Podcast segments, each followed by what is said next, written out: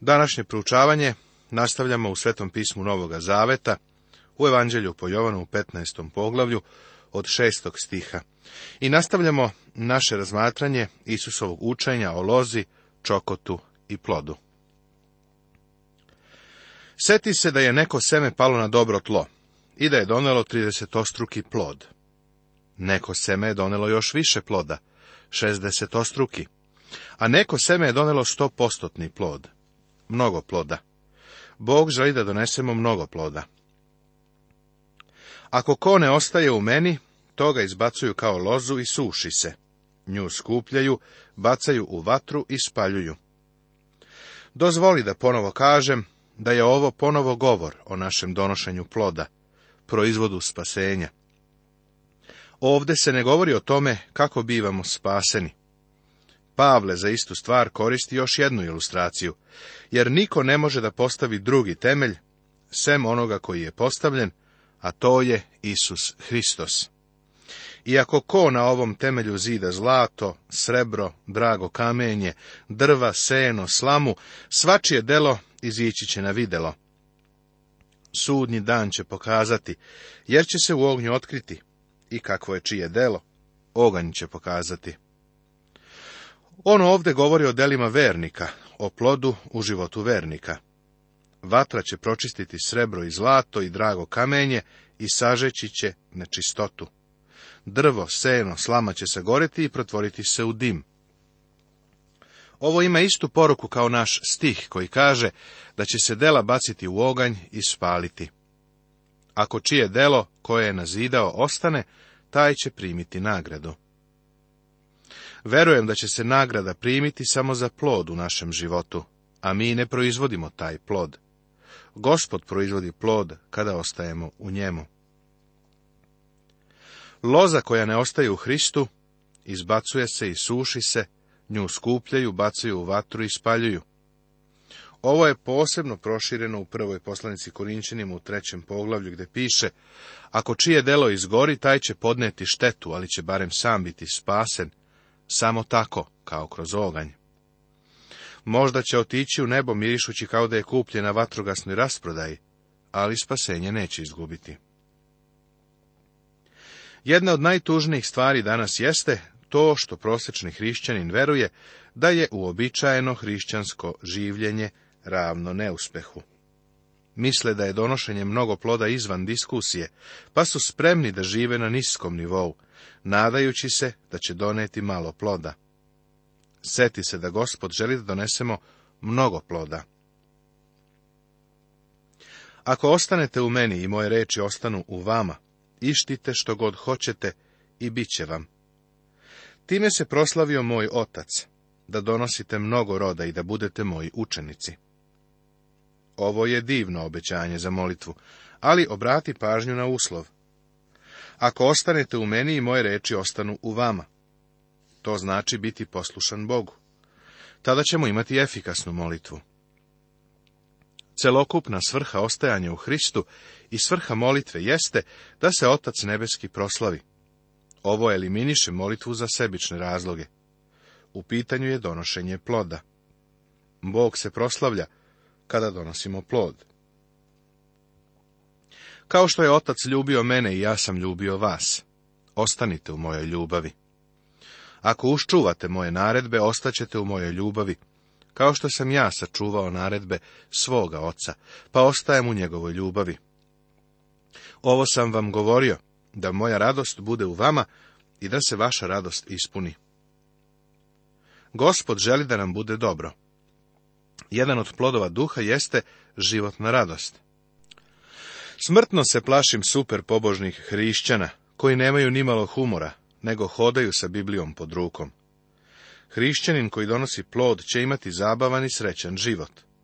Biće mu lepo kada ide da proučava Bibliju, kada služi gospodu. Život u zajednici sa Hristom je radostan život. Ovo je moja naredba, da ljubite jedan drugoga kao što sam ja vas ljubio. Seti se da se Isus u ovoj besedi obraća učenicima. Jedni druge treba da volimo, kao što je On voleo nas. Žalosno je vidjeti kako se hrišćani u našim crkvama međusobno uništavaju, ogovaraju. Duh Boži i ne deluje u takvoj situaciji. Čovek može da proučava Bibliju i da ipak odbacuje ovu gospodnju zapovest. Voleti kao što je on voleo nas, predstavlja uzdizanje na vrlo visoki nivo. Jedino duh Božiji u našim životima može da izazove takvu ljubav. Niko nema veće ljubavi od ove, da neko položi svoj život za svoje prijatelje. To je ispit. Vi ste moji prijatelji, ako činite što vam ja nalažem. Hrišćanski život nije poduhvat sa pokušajima i promašajima. Hrišćanski život je sleđenje Hristovih saveta, a ti saveti su jasni. Ako ih slediš, donećeš plod. On je za nas položio svoj život. Od tebe traži da mu budeš poslušan. On je naš prijatelj, jer je umro za nas. Mi smo njegovi prijatelji kada držimo njegove zapovesti. Isus ne traži od svih nas da umremo za njega. Neko je jednom pitao Dvajta Mudija da li ima blagodat umiranja.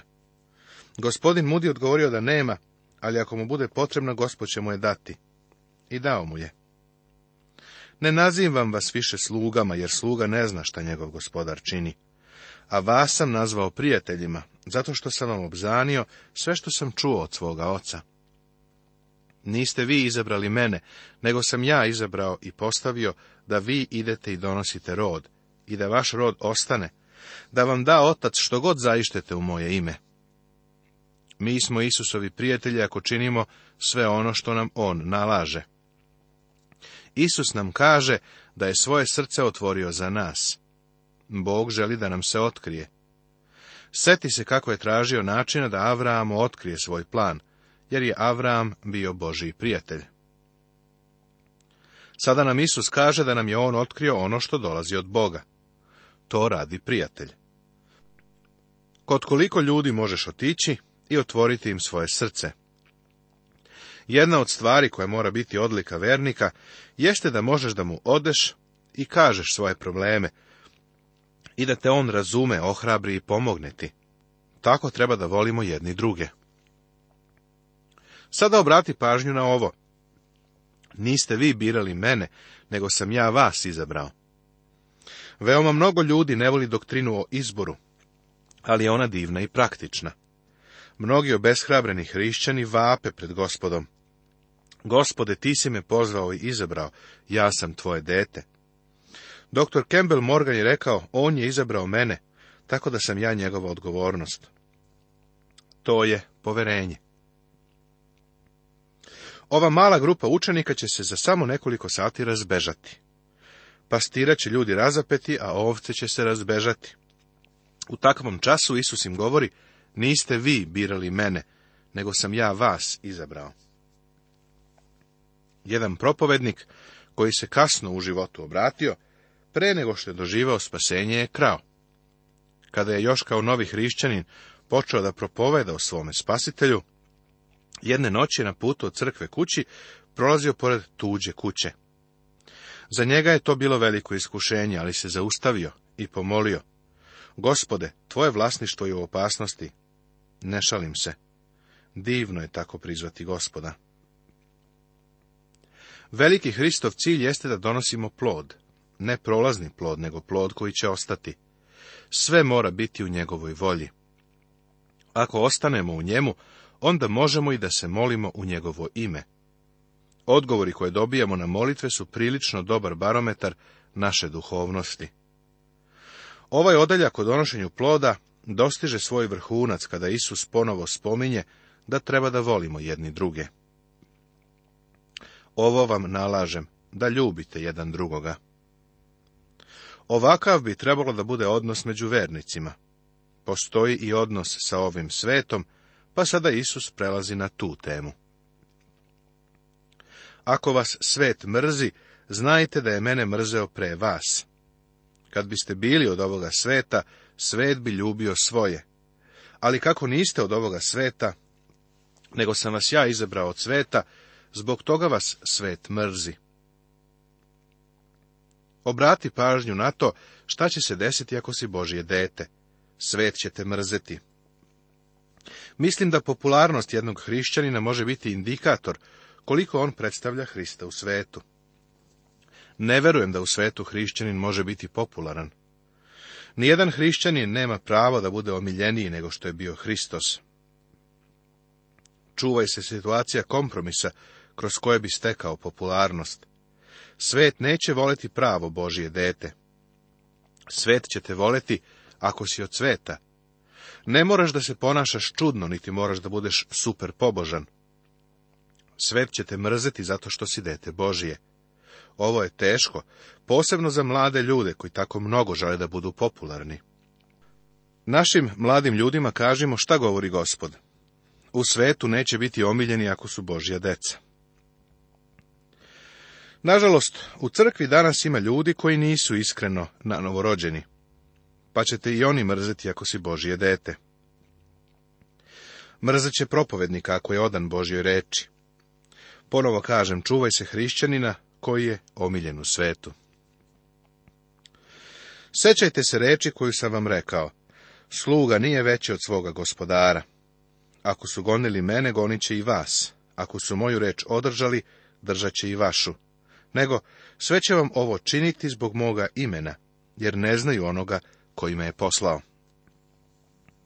Da nisam došao i da im nisam rekao, ne bi imali greha, Ovako nemaju izgovora za svoj greh. Ne trudi se da budeš veći od gospoda. Sluga ne treba da bude omiljeniji od svoga učitelja. Samo govori reč Božiju. Oni koji progone imaju dva problema. Ne poznaju oca i ne žele da se njihovi gresi otkriju. Isus Hristos je nebesko svetlo upalio nad ljudskim dušama. Kad god čovek upali svetlo, nešto počne da se dešava. Pacovi, zmije, bube i gušteri mrze svetlo, pa beže u zaklon. Usput da kažem, mrze će i onoga ko upali svetlo. Isus kaže, mene su mrzeli bez razloga. Nema razloga da neko mrzi gospoda. Razlog je samo grešno srce čovekovo. Ko mrzi mene, mrzi i moga oca. Ovo je važan stih. Svet ne mrzi svoju ideju o Bogu, kao tamo nekom nejasnom biću. Svet mrzi Hrista. Isus kaže da kada neko njega mrzi, onda mrzi i Oca Nebeskog. Možda kažeš da veruješ u Boga i da si omiljen. Pravi ispit je tvoj odnos i stav prema Isusu Hristu. Ne možeš biti omiljen i verovati u gospoda Isusa Hrista, jer je on onaj koga mrze. Da nisam učinio među njima dela, kojih niko drugi ne učini, ne bi imali greha. Sada su pak gledali i mrzeli mene i moga oca. Nego, treba da se ispuni reč, zapisana u njihovom zakonu, omrznuše me, ni za šta. Neki šaljivđija je rekao, Bog je po svom obličju stvorio čoveka, pa sada čovek stvara Boga po svom obličju. Takvog Boga ljudi danas žele i misle da takav Bog upravlja svemirom. Isus ovo citira kao ispunjenje psalma 35. i psalma 69. gde kaže da su njega mrzeli bez razloga. Isusa Hrista mrze jer su stvorili lažnog Boga, koji nije Bog iz Biblije. A kada dođe pomagač utešitelj, koga ću vam poslati od oca, duha istine koji od oca ishodi, on će svedočiti za mene. A i vi svedočite, jer ste sa mnom od početka. Duh sveti svedoči o Hristu. Ako je gospod Isus Hristos za tebe stvaran, onda je to delo svetoga duha. Jedan od načina na koji možemo oceniti da li je sveti duh na delu, jeste to da li se Hristos proslavlja. Ako gospod Isus za tebe nije stvaran onako kako bi želeo da jeste, moli duha Božjega da deluje u tvome srcu. Stvarnost Hrista nam je potrebna u srcu i životu. Isus je ovim ljudima rekao da će svedočiti za njega. Oni su to svakako činili. Upravo sada proučavamo Jovanovo svedočanstvo o Isusu. Niko osim apostola nije mogao da da takvo svedočanstvo, jer su oni od početka bili sa Isusom. Poglavlje 16. Tema Isus će za vreme svoga odsustva poslati svetoga duha. Ovo poglavlje završava besedu u gornjoj sobi. U prethodnom poglavlju smo saznali da oni koji pripadaju gospodu treba da vole jedni druge. Ovo za nas stvarno predstavlja ukor. Zvuči prekorno, ako gospod mora da nam to zapovedi ili naloži. Prekorno je zato što nam pokazuje da ni približno nismo dobri kao što mislimo da jesmo. Potrebna nam je nadprirodna pomoć koja će nas osposobiti da se međusobno volimo. Zatim nam je rekao da treba da se poistovetimo sa njim, što će dovesti do toga da će nas svet zamrzeti. Gospod je svojim učenicima rekao i sledeće. Da on nije došao, oni ne bi upoznali greh. Pod tim nije podrazumevao da oni nisu imali grehe. Hteo je da kaže da pošto je on već došao, onda njihovi gresi nisu skoro ništa u poređenju sa neizmenljivim grehom odbacivanja spasitelja sveta i gospoda slave. Ne samo da u nebu postoje stepeni nagrade, nego i u paklu postoje stepeni kazne. Osoba koja danas čuje za Isusa Hrista i okrene se od njega, nalazi se u istoj kategoriji kao Juda Iskariotski, koji je bio sa Hristom, a onda mu je u njegovom prisustvu okrenuo leđa. Odbaciti Hrista je najveći od svih greha, u ovom sljedećem poglavlju Isus ih upozorava na ovo. Za vrijeme svog odsustva Isus će poslati svetoga duha. Poglavlje počinje Isusovim govorom o mržnji ovoga sveta. Ovo sam vam kazao, da se ne sablaznite. Šta im je kazao?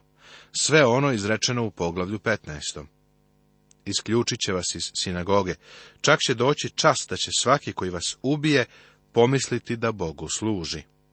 I ovo će vam činiti zato što nisu upoznali oca, ni mene.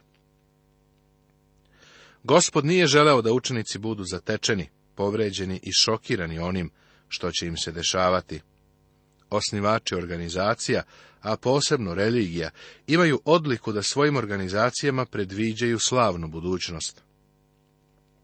Metod ovoga sveta je da izgradi divne dobrobiti i da uklanja teškoće i nazadovanja, kao i lišavanje i žrtvu. Koliko je gospod drugačiji? Istina je da nam je gospod u 14. poglavlju rekao da ide da nam pripremi mesto, kao i da će nas uzeti ka sebi. On također vrlo jasno govori da ako želimo da ga sledimo ovde dole, to podrazumeva da se od svega drugog odreknemo. Rekao je da lisice imaju jazbine, a ptice gnezda, a da on nema gde da zakloni glavu. Rekao je da ako nameravamo da ga sledimo, moramo uzeti naš krst, ne njegov krst, i ići za njim. Ako ovdje na zemlji budemo trpeli sa njim, tamo gore ćemo sa njim vladati. Njega su prezreli i odbacili. On je bio čovek tuge i upoznao je žalost. Rekao je da će njegovi sledbenici biti u svetu, ali da neće biti od sveta, kao i da će ih svet mrzeti. Sve to je vrlo jasno pokazao. Nikada nije rekao da će njegovim sledbenicima biti lako ovde na zemlji. Međutim, crkva je, umjesto da zauzme Hristovo mesto, otišla u svet, hvališući se da će obratiti svet. Naravno, to nije urađeno ni za ovih dvadeset vekova. U svojim pokušajima da to učine, ljudi su se uvek trudili da popularišu religiju, da je učine privlačnom svetu. Videćeš da danas ima crkava koje koriste sve vrste pronalazaka i pomoćnih sredstava da bi privukle bezbožnike. Današnja muzika je pala na nivo sveta. Ljudi kažu, moramo ovo da radimo da bismo zadobili svet. Pa im je rekao da će zadobiti svet? Ne govorim sada o liberalnim crkvama. One su pre mnogo godina skrenule se pravog puta. Govorimo o fundamentalnim crkvama. Danas skreću sa puta fundamentalne crkve. U njima ćeš pronaći i neprijatelje Božje reči. Iako se ne usuđuju da napadnu Bibliju, svoj napad usmeravaju ka čoveku koji propoveda Božju reč. Posvuda pronalazimo tragične priče. Poznajem jednog đakona u crkvi koji je već uništio tri propovednika. Jedan od njih je otišao zbog narušenog zdravlja, drugi je jednostavno napustio službu, a treći je dao otkaz. Poznajem sveštenika koji prodaje polovna kola. Kaže da se radije bavi polovnim kolima nego polovnim hrišćanima. Prijatelju, ako zastupaš Božiju reč, vidjet ćeš da te svet neće voleti. Doživećeš mržnju koju je Hristos doživeo. Ovo sam vam kazao da se ne sablaznite, njegove su reči. Isus ih unapred upozorava da bi ih osnažio i upozorio na ono što dolazi. On ih voli sve do samog kraja, pa ih obaveštava da će biti sa njima. Kaže im da razume kroz šta će proći. Nastavit će se.